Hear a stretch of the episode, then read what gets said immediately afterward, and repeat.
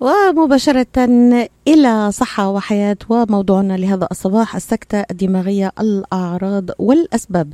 تحدث السكتة الدماغية عندما تنقطع إمدادات الدم إلى جزء من الدماغ أو تنخفض مما يمنع أنسجة الدماغ من الحصول على الأكسجين والعناصر المغذية وحيث تبدأ خلايا الدماغ بالموت خلال دقائق. ما هي مؤشرات وأعراض السكتة الدماغية؟ ما هي عوامل خطر الأنماط الحياتية. ما هي المضاعفات وهل يمكن الوقاية من كل هذا؟ كل هذه الأسئلة نطرحها هذا الصباح على الدكتورة نسرين صوان أخصائية أمراض المخ والأعصاب والآلام المزمنة. صباح نور لك. دكتورة صوان تنضمين إلينا مباشرة من شيكاغو. يا صباح الفل ليلى. صباحك ورد وفل وياسمين و... وإشراقة جميلة في ديترويت دكتورة كيف هي الأجواء عندكم هذا الصباح؟ يعني الأجواء كانت الحقيقة رائعة امبارح واليوم بس بكرة إن شاء الله حيكون في برد يعني مستعدين دكتورة يعني آه، لفصل الشتاء الشتاء قادم ولكن نستمتع في هذه الأيام الجميلة. موضوعنا هذا الصباح هام جدا دكتورة. آه، يعني يتعلق ربما هذا السكتة الدماغية كما تابعت آه، مع حضرتك. يعني هناك عوامل خطر من الأنماط الحياتية. لدينا يعني أقل من 20 دقيقة دكتورة نحاول أن نغطي هذا الموضوع الهام. بداية لماذا تحدث السكتة الدماغية؟ المؤشرات وأعراض السكتة.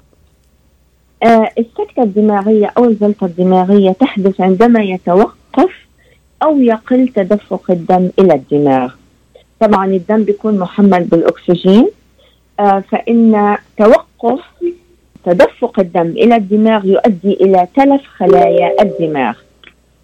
ويجب معرفة العلامات التحذيرية المؤقتة آه، ما قبل السكتة الدماغية وعدم تجاهلها إذا حدثت لأنه العلامات التحذيرية المؤقتة لا تحدث في جميع الأحيان. فاللي بصير معاهم الشيء هذا يجب انه هم ما يتجاهلوه. هلأ أهم عرض آه للسكتة الدماغية هو حدوث شلل نصفي مفاجئ للجسم بس طبعا في أشياء أخرى مثلا زي عدم القدرة على الكلام أو مثلا الوقوع أو الدوخة. أو الصداع الشديد. يعني دكتورة دكتورة ما هي المؤشرات؟ يعني إذا الواحد بده يعرف إنه لا سمح الله لا سمح الله يعني عم يصاب بسكتة دماغية المؤشرات وهذه الأعراض التي يجب أن ننتبه إليها.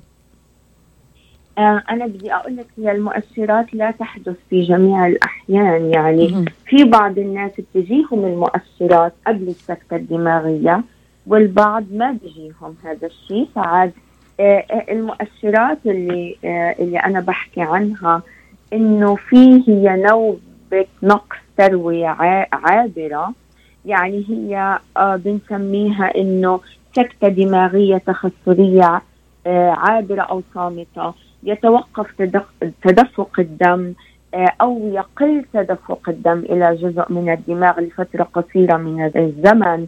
وتظهر الأعراض ممكن إنها تكون على شكل مثلا شلل نصفي ممكن يكون إنه زي ما قلت إنه عدم القدرة على الكلام أو مثلا هل نعتبر عدم القدرة على الكلام يعني من العلامات المبكرة دكتورة للإصابة آه مثلا ممكن يعني نعم. ممكن حاجة بنسميها بالإنجليزي افيزيا إنه الشخص ممكن إنه هو ما يقدر يتكلم أو ما يفهم الكلام اللي آه، شخص ثاني بقول له إياه.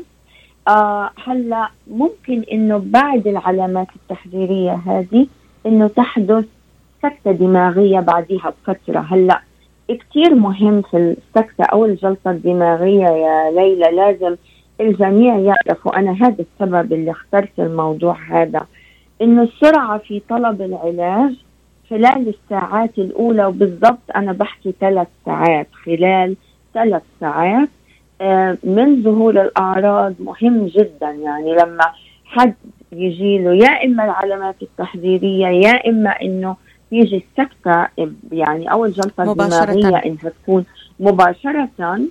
آه فعاد يعني هذا الشيء جدا مهم خلال يطلب الإسعاف يعني يطلب الإسعاف مباشرة ويتوجه إلى المستشفى. إلى نعم. إلى غرفة الطوارئ لأنه في غرفة الطوارئ إنه جميع آه، غرف الطوارئ مجهزة بالأدوية وبال آه، يعني العلاجات اللازمة آه، علشان إنه يعني يتم علاج الجلطة الدماغية بصورة سريعة. وهذا الشيء ممكن إنه هو يخفف المشاكل اللي ممكن إنها تصير منها. طبعا المشاكل هي ممكن إنه يكون الموت في بعض الناس طبعا بيموتوا منها إذا كانت يعني جلطة كبيرة أو إنه إذا كان في عندهم كمان أمراض أخرى أو إنه حتى لو إنه المريض ما يعني ما يعني لم لم إنه هو يعني لم إنه يحدث الموت في هذه الحالة ممكن إنه المريض إنه يعيش بإعاقة إلى يعني إلى باقي العمر. فعاد يعني إحنا لازم إنه إحنا نعرف إنه أول ثلاث ساعات يا ليلى جدا مهمين. دكتورة يعني في بعض الأعراض كما تابعت يعني وحضرتك أرسلتي لنا يعني ممكن تكون متشابهة مع أعراض أخرى. يعني مثلا الصعوبة آه، في الرؤية آه، آه، الخدر كما أشرتي حضرتك. يعني ممكن الواحد إذا أصيب بخدر بأحد جانب جسمه. أيضا الصعوبة في الكلام الصداع. هذه الأعراض قد تتشابه مع أعراض أخرى. كيف نفرق؟ أو نتوخى الحذر ونذهب إلى المستشفى؟ يعني كيف توجهين؟ المستمع. والله شوفي هو طبعا لما يحدث شلل أو خدل بالوجه أو الذراع أو الساق هذا شيء يعني على طول آه هذا الشيء بيكون مفاجئ ومباشر. آه أو إنه مثلا حدوث ضعف أو شلل بالوجه أو الذراع أو الساقين. غالبا ما يحدث هذا الشيء في آه جزء واحد أو جانب واحد من الجسم. هلأ لو المريض حاول إنه يرفع إنه يعني آه الأطراف العلوية الاثنين مع بعض الطرف اللي بيكون متأثر يعني طبعا ما بقدر يرفع أو برفع وبنزل على طول يعني بيكون هذا الإشي معناه إنه غالبا إنه في سكته دماغية. هلأ مشاكل الإبصار في عين واحدة أو كلا العينتين يعني إنه مثلا ممكن إنه تغيم الرؤية أو إنه يشوف الشخص بقع سوداء في المجال البصري. أو انه رؤية مزدوجة أو مثلا صداع مفاجئ وشديد جدا. يعني الصداع المفاجئ والشديد زي ما حكينا في حلقات الصداع السابقة. هذا يعني طبعا ضروري جدا إن الشخص يتوجه لغرفة الطوارئ يعني بصورة عاجلة جدا. بالإضافة طبعا لصعوبة المشي أو عدم الاتزان أو الترنح أو الدوخة دكتورة أو يعني style life وما تأثيراته على هذا الموضوع. هناك سؤال لك من أستاذ غانم على ما أعتقد صباح النور أستاذ غانم. سيد غانم؟ صباح الخير. صباح الورد والفل. صباح وسهلا. صباح الفل والياسمين عليكي وعلى أحلى دكتورة. أهلا وسهلا. تفضلي دكتور. ونورت الإذاعة بالفترة اللي كنت غايبه فيها انت انت منورة نورتيها. الله يخليك يا رب. تسلم. دكتوره الله يخليك. دكتورة معك. دكتورة صوان تفضلي. okay. صباح الخير دكتورة. صباح الخير.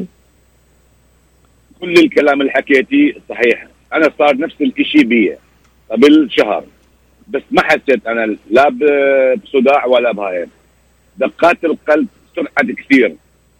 ورجلي كنت كنت واقف أنا أريد أمشي ما أقدر أمشي. يعني إلى ان يعني أختي خابرت ال ambulance وإجت أخذتني قالوا لي مايلد مايلد ستروك مايلد نعم. مايلد ستروك بس يعني اللي صار عندي أنا صار دقات قلب سريعة جدا. يعني ما صار عندي لا صداع ولا هاي. يعني يعني خلال ربع ساعة قبل الاسعاف ودوني رحت على المستشفى يعني هل يعني لها تأثير؟ آه طبعا أنا بدي أقول لحضرتك إنه بالنسبة لموضوع صعوبة المشي هو طبعا من الأعراض إحنا زي ما قلنا يعني صعوبة المشي صعوبة التحدث صعوبة الرؤية آه بالنسبة للناس اللي ما يعني بصير معهم صعوبة بالمشي ممكن إنه يحدث فقدان في الاتزان أو إنه تحدث دوخة أو ترنح. ماذا عن بالنسبة تفضلي دكتور. دقات القلب بدي بدي يعني أعلق على الموضوع. إنه من أحد أسباب الجلطات الدماغية في حالة في القلب اسمها atrial آه fibrillation أنا الحقيقة ما بعرف إيش هو بيكون في آه رجفة في آه الأذين آه، مش يعني في في منطقة في القلب اسمها الأذين وبيكون هذا الشيء هو اللي يعني يؤدي إلى تكون جلطات في القلب وهذه الجلطات ممكن إنه هي بتطلع على الدماغ وبتعمل الجلطة الدماغية. فعاد يعني هذا الشيء طبعا ممكن والحمد لله إنه يعني يعني إنه انت قدرت إنك أنت توصل لغرفة الطوارئ لأني أنا زي ما قلت إنه غرف الطوارئ بتكون مجهزة آه، بفريق كامل للعناية بالمرضى اللي بيكون في عندهم السكتات الدماغية لأنه زي ما قلت إنه العلاج خلال ثلاث ساعات جدا ضروري. علشان إنه المريض يعني يعني يتم علاجه بصورة صحيحة وهذا الشيء يؤدي إلى آه، مساعدة المريض أنه ما يكون عنده إعاقة في المستقبل. أستاذ غانم يعني إن شاء الله هل آه، استطعت أن تتجاوز هذه الأزمة الصحية؟ ونتمنى لك السلامة. يعني هل أنت تعاني من ضغط آه، كمان أستاذ لا غانم؟ ما, ما عندك ضغط؟ no no لا عندي ضغط. لما فحصوني الضغط مالتي 120 ايدي الكوليسترول كل شيء تمام. ال sugar كل شيء تمام. أنا بس بهاي حسيت لما رحت على المستشفى قالوا لي mild يعني بقيت أربع ساعات بس إيش؟ لأنه حتى جسمي مشي ما كنت أقدر أمشي. إيدي ما أقدر ارفعها كل جسمي خدر مش صفحة واحدة بس. يعني لما الدكتورة والدكتور يمسك إيدي يقول لي يعني أضغط عليها ما أقدر أضغط عليها. يرفع رجلي توقع من كيفها. ايدي توقع من كيفها. بس هاي الأعراض اللي صارت بيها. إن شاء الله تجاوزت هذه الأعراض. الحمد لله وشكرا. الحمد, لله. وشكرا. الحمد لله. الحمد لله. شكرا جزيلا. تحياتي نورت الإذاعة من جديد. شكرا دكتورة. شكرا تحياتي شكرا لك. شكرا أهلا أهلا أهلا دكتورة دكتورة صوان يعني كما ذكر الأخ يعني آه، لدي سؤال هنا هام بطبيعة حياتنا اليومية أرجو أن تلقي الضوء عليه يعني هل يلعب السن هنا آه، مثلا عامل؟ هل آه، إذا كان لدى, لدى الإنسان الأخ يعني كان حالته ما بيشكي من ضغط أو من مرض أمراض القلب مثلا لكن ماذا عن السمنة؟ ماذا عن مرض السكري مثلا؟ ماذا عن التدخين؟ هل تلعب هذه الأشياء نمط الحياة اليومي للشخص عامل مسبب أكثر خطورة مثلا؟ آه طبعا يا ليلى. هلأ يعني في شيء كثير مهم. طبعا في أشياء لها علاقة بأنماط الحي... الحياتية اللي آه يعني الشخص إنه بيكون بيتبعها. مثلا زيادة الوزن والسمنة هي من عوامل الخطر قلة النشاط البدني شرب الكحوليات والإفراط بالشرب آه، استخدام العقاقير الممنوعة مثلا مثل الكوكين والأمفيتامين هدول لحالهم. ممكن ان هم يعملوا الجلطات الدماغية. هلأ في كمان طبعا إنه عوامل خطر ارتفاع ضغط الدم ممكن ارتفاع مستوى الكوليسترول تدخين السجائر طبعا جدا جدا جدا مهم. وبعدين حتى الناس اللي ما بدخنوا عايشين مع ناس تانيين بدخنوا بيكون في عندهم تدخين سلبي. وطبعا التدخين السلبي زي التدخين بالنسبة للشخص اللي نفسه بدخن. آه طبعا داء السكري. آه من الأشياء اللي ممكن إنها تسبب اللي هي الجلطة الدماغية انقطاع النفس الامتدادي النومي. إحنا حكينا في السابق عن الموضوع هذا اللي إحنا بنسميه obstructive sleep apnea. هلأ الشيء الثاني طبعا ممكن إنه يكون الشخص اللي عنده تاريخ عائلي آه، من السكتات الدماغية أو النوبات القلبية أو نوبات نقص التروية العابرة TIA ممكن يعني حتى لو الواحد عنده تاريخ يعني عائلي مش شرط إنه هو يكون نفسه اجى الشيء هذا. طبعا أمراض القلب آه اللي هو الوعائية زي ال coronary artery disease أو إنه آه المشاكل اللي ممكن إنها تصير زي ما قلت الرجفان الأذيني اللي هو ال atrial fibrillation هلأ في عوامل إنه إحنا ما بنقدر إنه إحنا يعني نتحكم فيها ومو عوامل كمان مرضية. طبعا بيزيد نسبة آه، اللي هي الجلطة الدماغية آه، أو نوبات نقص التروية اللي هي العابرة. بتزيد مع العمر يعني. هلأ السكتة الدماغية ممكن تحدث في الناس اللي 60 سنة وأكثر وطبعا بيزيد هذا الشيء بيزيد احتمال الإصابة بالسكتة الدماغية مع تقدم العمر. آه، بالإضافة طبعا آه، في عندنا هون إحنا بأمريكا الأمريكان من أصول إفريقية بتعرضوا أكثر لخطر السكتة الدماغية أكثر من الأعراق الأخرى. آه، بالإضافة طبعا إنه هلأ الرجال بتعرضوا للسكتة الدماغية أكثر من النساء.